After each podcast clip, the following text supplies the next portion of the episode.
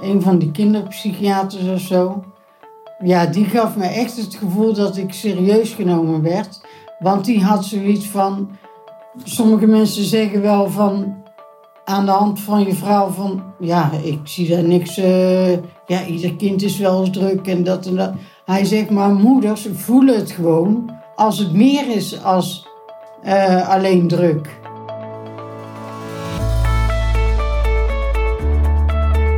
Welkom bij de podcast Jeugdzorg Next Level. Deze nieuwe podcastserie, Zekerder met Ouders, heb ik voor jou opgenomen, zodat je met nog meer zelfvertrouwen de begeleidingstrajecten kunt uitvoeren. Samenwerken met ouders is enorm belangrijk en voor veel jeugdprofessionals een uitdaging. Met deze podcast ontvang jij tips, inzichten en ervaringsverhalen om je werk meer diepgang te geven. Veel luisterplezier!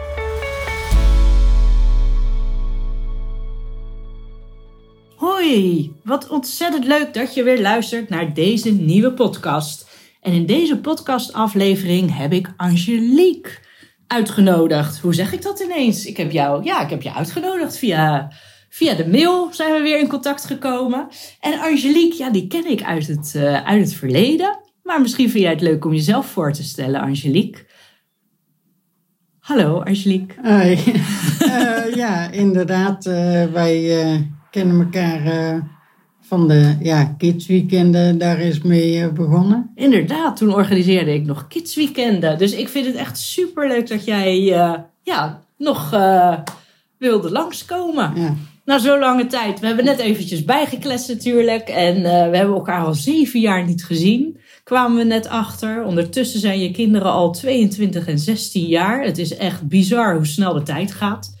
Dus nogmaals, welkom dat je er bent. En nou, zou jij jezelf eens willen voorstellen aan de luisteraars? Van ja, wie is Angelique als moeder? Hoe zou jij jezelf omschrijven? Ik ben, eh, denk ik, een eh, moeder eh, die eh, het beste wil voor de kinderen, maar het gaat niet altijd zoals ik het wil.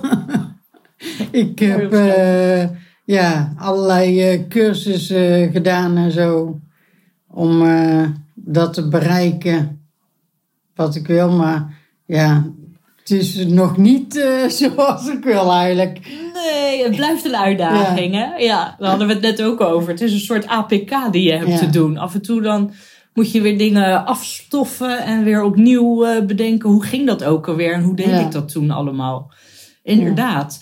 Ja, want nu we het daarover hebben, hè, we gaan het daar zeker over hebben, want dat vind ik altijd zo mooi aan jou. Je hebt altijd zoveel geïnvesteerd in jezelf, in trainingen, in cursussen, om het maar ja, te begrijpen. Hoe werkt dat dan? Hoe zit het gedrag in elkaar? Maar ook voor jezelf, want het is Ja. voor jezelf natuurlijk ook best een uitdaging. eh, nou, ik wil zeggen geweest, maar het is nog steeds. Zeker Ja. de, de puberteitfase, dat is natuurlijk weer een andere uitdaging wat Ja. zich meebrengt.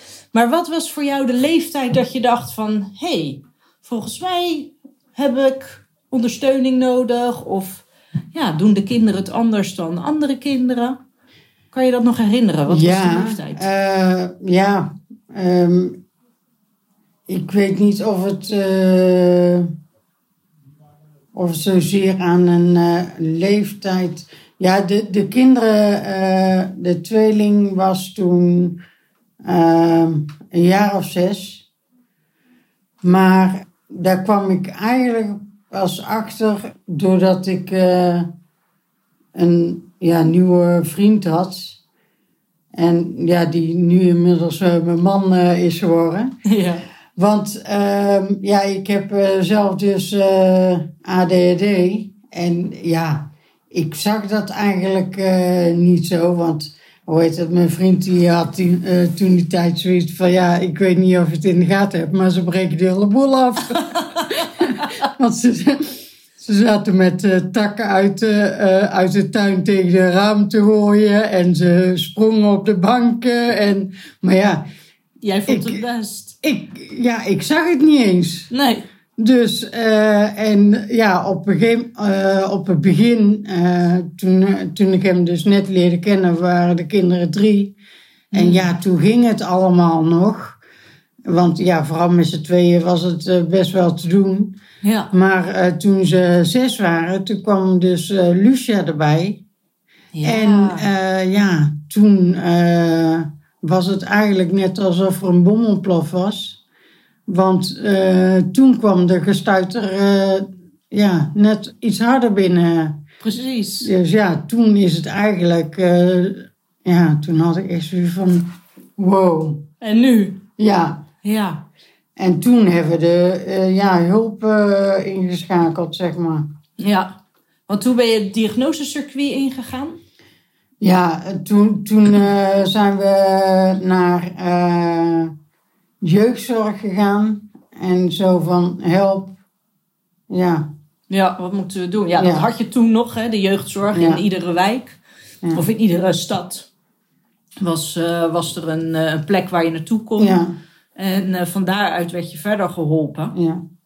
Nou, eh, die hebben me verder de verdiening geholpen. Ja? Ja, ja want hoe heet het? Wij, ehm, wij zijn daar toen naartoe gegaan en we hebben toen het een en ander aan gesprek eh, gehad.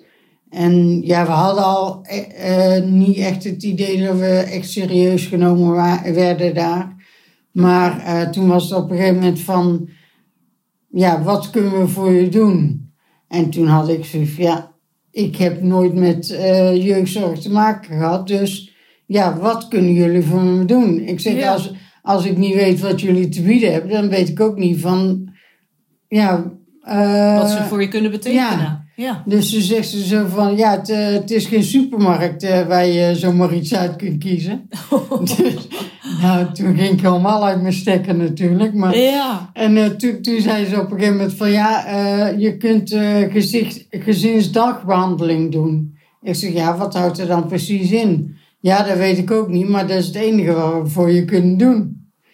Dus ik had echt zoiets van, ja, dan moet je aan iets beginnen waarvan hun niet eens we- zeker weten wat het was. Hmm. En eh, ja, die hebben ons gelukkig wel een eind op, eh, op weg geholpen. Dus je bent dat wel aangegaan toen. Ja, Ja. ja, want ik had zoiets van, ja, ik, ik moet hier gewoon iets mee. Want eh, ja, we liepen echt eh, over, zeg maar. Ja. En eh, daar eh, is dus eh, ook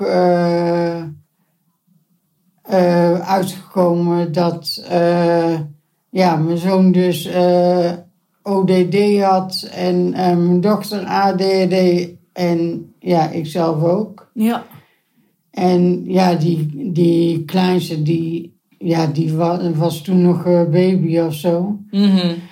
En ja, het mooie wat ik daar vond, is dat een van die kinderpsychiaters of zo, ja, die gaf me echt het gevoel dat ik serieus genomen werd. Want die had zoiets van, sommige mensen zeggen wel van, aan de hand van je vrouw van, ja, ik zie daar niks, eh, ja, ieder kind is wel eens druk en dat en dat. Hij zegt, maar moeders voelen het gewoon als het meer is als eh, alleen druk. Kijk. Zo. Mooie Dus uitspraak. ja, toen had ik zoiets van, yes, nou zijn we op het goede adres. Ja. En ehm, ja, die mensen hebben ons eh, dus eh, echt een, eh, een stuk verder geholpen. Maar ja, op een gegeven moment is dat traject ook afgelopen en dan moet je het zelf doen. Ja. En ik had wel zoiets van, zolang toen we daar zaten, had ik echt zoiets van, nou ja, dit, dit is het. Mhm. Dus echt het gevoel dat je serieus genomen wordt. En eh, je kreeg wat, ja, wel wat han- handvaten. En ja, ze observeerden de kinderen en de ouders en zo. Dus ja, daar kon je dan ook wel, eh, daar kon je dan ook wel wat, eh, wat mee. Ja. Maar op een gegeven moment was het over. En toen had ik wel het gevoel van dat je een soort van in diepe gegooid werd. Zo van, ja, dat was het. Er was niet echt een goede nazorg voor jou. Nee. Het was meer van, nou, dit is het traject, dit is afgerond. Ja, Succes verder. ja. Terwijl jij voor je gevoel nog niet klaar was. Nee. En toen, wat, eh, wat heb je toen gedaan? Ja, toen heb ik volgens mij, ik weet ook niet hoe ik aan die PGB kwam. Maar eh, op een of andere manier heb ik toen PGB eh, voor elkaar gekregen. Misschien ook met hulp van eh, jeugdzorg of zo, maar dat weet ik niet meer. Eh, daar heb ik eh, een paar, twee verschillende vrouwen of zo, die gingen dan af en toe met Lucia of ja, met die andere twee gingen ze dan weg, zodat ik gewoon wat tijd voor mezelf had. En ja, dat was op zich wel lekker. En, eh, maar toen kwam ik een keer op zo'n zo'n beurs of zo. En daar kwam ik eh, dan personal focus eh, tegen. Oh ja. En eh, ja, toen kwam ik dus inderdaad bij jou terecht. Dat zou ik niet eens meer weten. Ja. Oh. ja, dat was een, een of andere beurs voor aan ADHD-verwante dingen. Ja, ik weet niet Oké. meer precies wat het was. Maar er stonden dus eh, verschillende eh, bedrijven die dus iets met ADHD of dat soort dingen te maken had. En dan kon je dan, er werd een soort lezing gegeven of ze vertelde iets over wat ze deden. Mhm. Ja, toen, ja, volgens mij was het met Linda of zo dat ik daar kwam. Oh ja. En Ja, eh, toen- ja, toen, toen ben ik dus op een gegeven moment eh, ja, bij jou terechtgekomen met die personal focus. Hebben we toen die eh, coachinggesprekken gedaan. En ja, volgens mij toen ook die logeerweekenden en ja, al die cursussen en zo. Ja, toen ben je helemaal in de versnelling geraakt. Ja, maar vanaf die tijd had ik pas het idee van dat ik er wat mee opschoot, zeg maar. Omdat ik eh, ook ja, een soort handvaart kreeg om gewoon te kijken van eh, waar ben ik mee bezig en hoe kan ik het anders aanpakken, Hmm. zeg maar. Dat, dat ik het ook echt, zeg maar, in het dagelijkse leven Ja. eh, toe kon passen. En ja, eh, toen ik dus eh, regelmatig dan voor die coachinggesprekken kwam, als ik dan zeg maar een ja, soort terugval had, dan als ik dan weer zo'n gesprek met jou had, dan had ik zoiets van: oké, ik kan er weer tegenaan. Het geeft je perspectief. Ja, En wat was het dan? Hè? Want eh, dat gaat niet om mij. Hè? Nee. Het gaat meer om de eh, gesprekken die je hebt gevoerd, wat, die jou inzichten hebben gegeven. En wat waren het dan voor inzichten voor jou? Dat je zegt van hé, hey, daar heb ik gewoon veel aan gehad. Je noemde het al, hè, dat je bewuster werd van je eigen handelen. Nou, het, eh, het mooie vond ik altijd bij die gesprekken die we hadden, dat jij niet echt zei van dit en dat moet je doen, maar dat je gewoon eh mijzelf liet denken. Dat jij op een gegeven moment zoiets had van, oké, eh, dus dat en dat heb je gedaan en daar kwam dit uit voort. En dan zei je verder niet van, dus misschien ligt het daaraan. Maar dan wist je dat ik daar zelf over na ging denken. Van nou, misschien kwam het wel omdat ik op dat moment niet goed in mijn vel zat. Of omdat ik eh, boos was voor iets wat er van tevoren was gebeurd. Of... En daardoor ging ik dus eh, zelf denken van, hé... Hey, en eh, volgens mij had je, hadden we ook wel eens van, ja, soort van die mindfulness oefeningen gedaan of zo. Ja, En ja, dat hielp ook wel wat, eh, denk ik. even weer rust te creëren Ja. voor jezelf. En eh, even uitstappen uit de chaos. Ja, en wat me ook altijd bijgebleven is, ik had altijd het gevoel van als ik dingen voor mezelf ging doen, dat het egoïstisch was. Hmm. En jij hebt me er toen op attent gemaakt van het is juist egoïstisch als je het niet doet. Hmm. Omdat eh, juist doordat je dingen voor jezelf doet, maak je je hoofd een beetje leeg of ja, krijg je weer wat meer energie. En dan kun je er weer tegenaan. Kun je er weer voor de kinderen zijn. Ja, Ja. Dus, en ik denk dat dat me wel eh, heeft geholpen. Maar toen het toen op een gegeven moment moest stoppen, omdat die eigen bijdrage kwam, Mhm. ja, toen ben ik op een gegeven moment, heb ik wel een soort terugval gehad. Ja, ja. En toen had ik zoiets van, ja, hoe kom ik hieruit? En toen heb ik gelukkig wel, eh, toen was eh, jeugdzorg naar de gemeente gegaan. Mhm. En dat was op zich ook wel een mooi verhaal. Want toen kwam ik dus op een gegeven moment bij die vrouw van de gemeente. En toen had ik zoiets van, ja, ik ben blij dat de jeugdzorg eh, voorbij is. Want ik vond het echt één grote ellende. Toen zegt ze van, ja, sorry, maar dan moet ik je toch even onderbreken. Misschien wil je nou ergens anders naartoe of zo. Maar ik heb bij jeugdzorg gewerkt.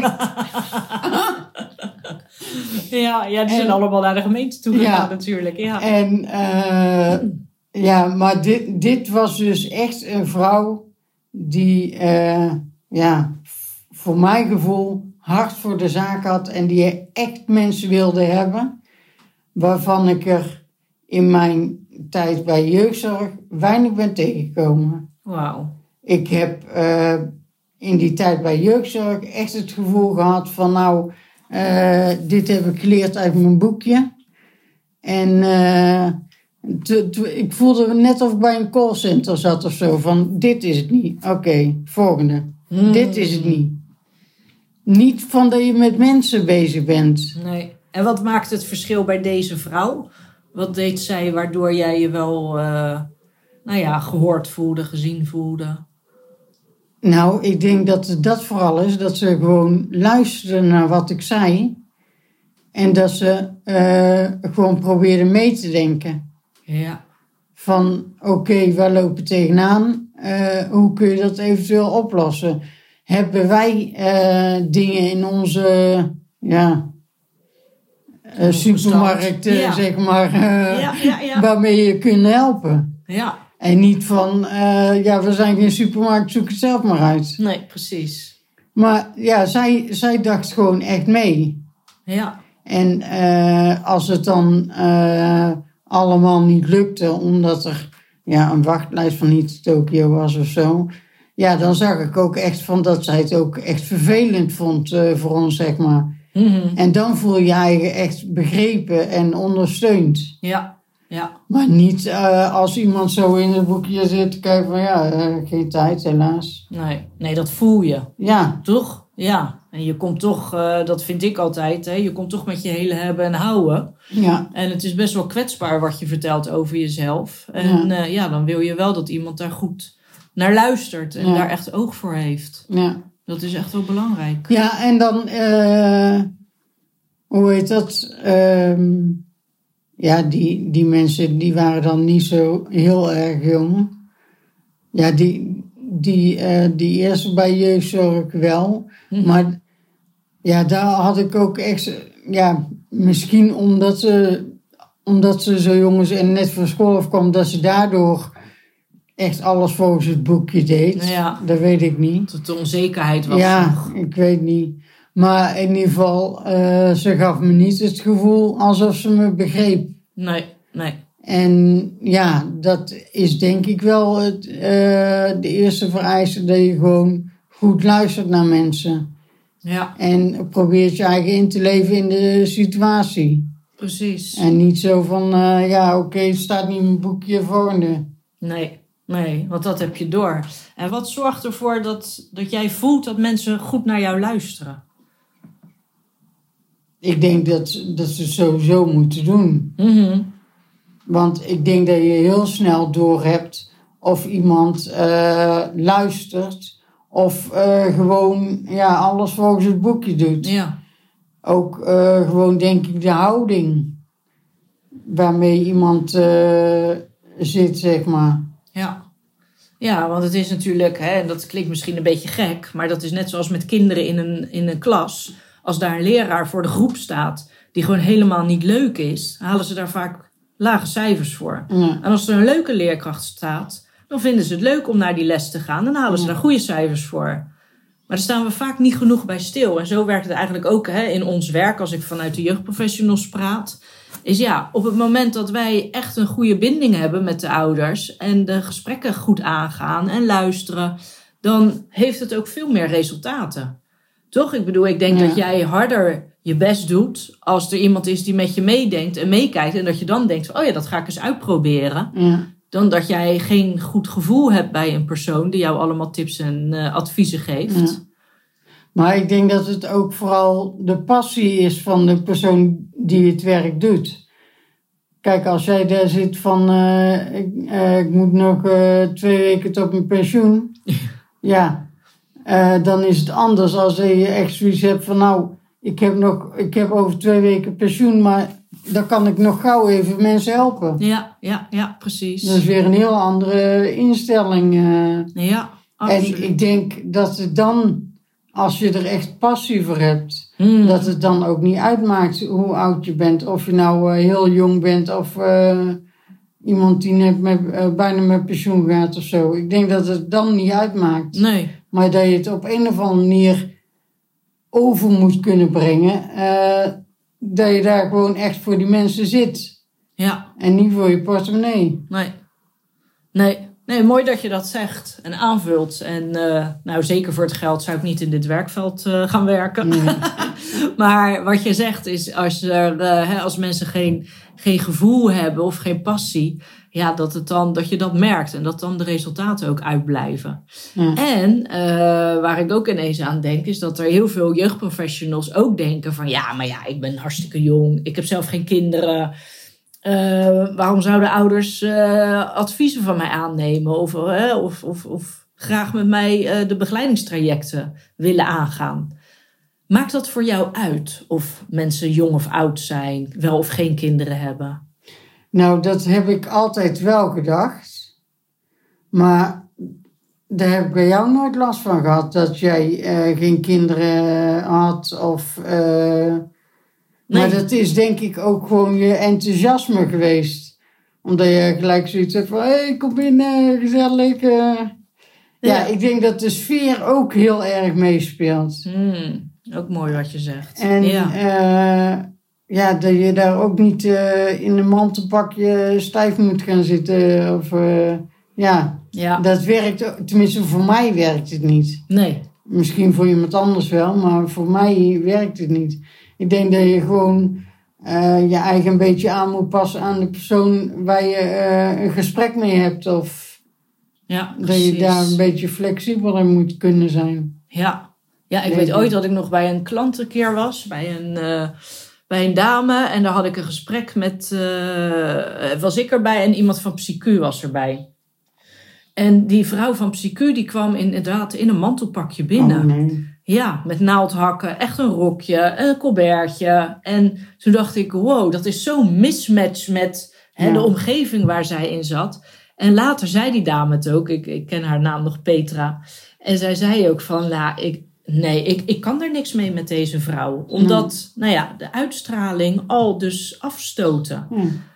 Maar Ja, dit zijn wel echt- dingen waar je als jeugdprofessional wel goed rekening mee kan Ja. houden. Hè? Dat het ook belangrijk is hoe je je kleedt Ja. naar, eh, naar mensen toe. Dus Ja, dat is daar misschien- een beetje... eh, Dat is misschien mooi als je naar eh, andere instellingen gaat of zo. Maar dan, Ja. ga je niet, dan moet je niet naar cliënten toe Nee. doen. Nee, nee. Want dan heb je gelijk inderdaad die afstand. Ja. ja, mooi dat je dat zegt. Want dit heb ik nog niet eerder gehoord. Ja, Dat kleding dus ook heel belangrijk ja is. voor mij wel. Ja. Ja, en gewoon de, de uitstraling, eh, hoe iemand. Ja, ik ben daar sowieso heel gevoelig voor. Hè? Heel, er was ook één vrouw bij eh Kids Weekend. Mhm. Dat was ook een beetje zo'n. Echt zo'n madame. Ja. Ja, dat, Ja, daar kan- heb jij niks mee. Nee. Nee. ik weet al wie je bedoelt. Ja. daar kan ik ook niks mee. Nee, nee. En dat. Ja, vaak zie ik ook bij de kinderen dat dat niet werkt. nee. Tenminste, bij die van mij dan. Ja, maar het is mooi dat je dat zegt. Jij zegt, ik ben er gevoelig voor. Maar ik denk dat dat ook wel is onze doelgroep. Hè, dat daar heel veel mensen gevoelig voor zijn. Maar ze zijn er vaak niet bewust van. Ja. En dit is wel mooi dat je dit aangeeft, want daardoor kunnen wij hè, als jeugdprofessionals daarop gaan uh, ja, anticiperen, op, op rekening mee houden. Dat Ja. we er rekening mee houden hoe we ons kleden, hoe onze houding is, dat we een open sfeer kunnen Ja. creëren, dat we het gezellig maken. Ja, want dat vond ik ook altijd leuk aan de, we doen het nog steeds hoor, maar bij de kidsweekenden, hè, dat op een gegeven moment soms wel eens eh, opa's, oma's meekwamen, buren. Ja, ja. Ja, om de Ja, want ik, halen, kijk, te als je nou eh, echt eh, naar iemand toe gaat, eh, ja, een beetje zo'n kakmadammetje, zeg maar. Mhm. Ja, dat je dan in naaldhakjes gaat en dingen. Ja, dat kan me voorstellen dat die persoon zich daar weer prettiger bij voelt. Ja, ja. Maar ja, Maar inderdaad, aanpassen aan, aan de cliënten die Ja. je voor je hebt, aan de klanten die voor je zitten. Ja, denk ik. ja. Ja, mooi ja. Je hebt eh, al aardig wat mooie dingen verteld, zeg. Ik ben, eh, denk ik, uit mijn vragen. Is er nog iets wat jij zou willen vertellen? Waar we het nog niet over hebben gehad? Ik ga het anders even kort samenvatten. Want eh, nou, je hebt aangegeven dat het belangrijk is hè, dat mensen zich aansluiten bij je. Dat, ze, dat jij je gehoord voelt, dat je je gezien voelt. Dat het belangrijk is dat mensen naar je luisteren, je daarin serieus nemen. Met je meedenken van hè, wat zijn allemaal wel de mogelijkheden. En eh, dat het heel fijn is als mensen met je meedenken. En niet dat ze zeggen van joh, eh, wat wil jij? Want je weet nog helemaal niet wat je wilt. Want je zit gewoon nog midden in je eigen proces. Dat is gewoon hartstikke lastig. En daarnaast heb je ook aangegeven hoe belangrijk het voor jou was om te ontdekken dat je ruimte kunt laten tussen jouw actie en je reactie. Hè? Dus door wat er gebeurt, hoe jij reageert.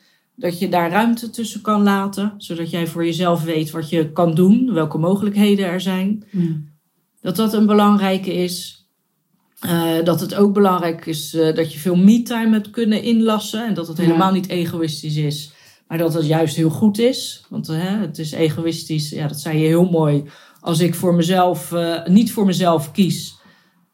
En daar worden de kinderen de dupe van. Ja, En daarnaast geef je ook aan dat het heel belangrijk is, de sfeer, de houding, maar ook de kleding. Dat dat ook gewoon wel maakt of je je wel of niet op je gemak voelt bij een, eh, bij een hulpverlener. ja en de nazorg. En de nazorg. Dat je dus eh, altijd eh, ergens terecht kunt als, het, als, je er, als je even erin zit. ja. Je zoiets hebt van, oké, help me even op weg. Of Nou, zoiets. zeker. Ja, ja. Nou, en nou voel ik ineens van, hé, hey, volgens mij heb ik die eh, plank ook misgeslagen bij jou.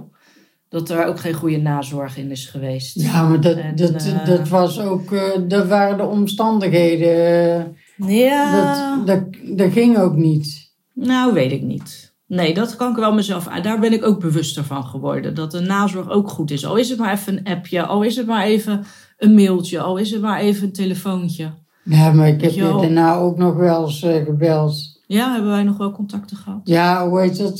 dat was toen met die kranten of zo. De, toen zat ik er ook even doorheen. Toen heb ik je ook nog gewoon Oh. even gebeld. eh, Gelukkig. dus, Maar inderdaad, nazorg is echt heel erg belangrijk. En ik denk dat we daar ook te weinig, nou laat ik voor mezelf spreken, te weinig bewust van, van zijn.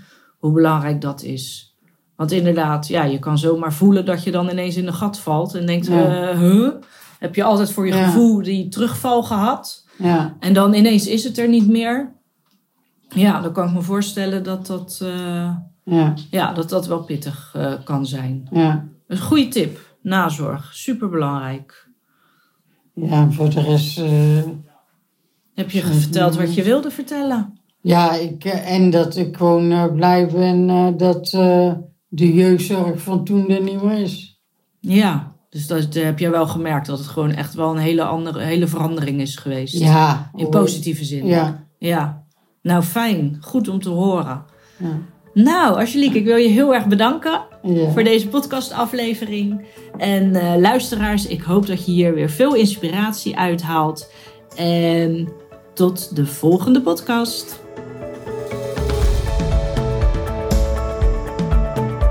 Dit is alweer het einde van deze podcast. Ben jij geïnspireerd geraakt en wil je ook groeien naar jouw next level? Kijk dan eens op de website www.hkcacademy.nl voor meer informatie over trainingen, events en de laatste nieuwtjes. Je kunt mij ook volgen via de socials, het HKC Academy, voor leuke tips en ideeën, zodat jij je klanten naar de next level kunt begeleiden. Ik zie je snel bij een training, event of via de socials.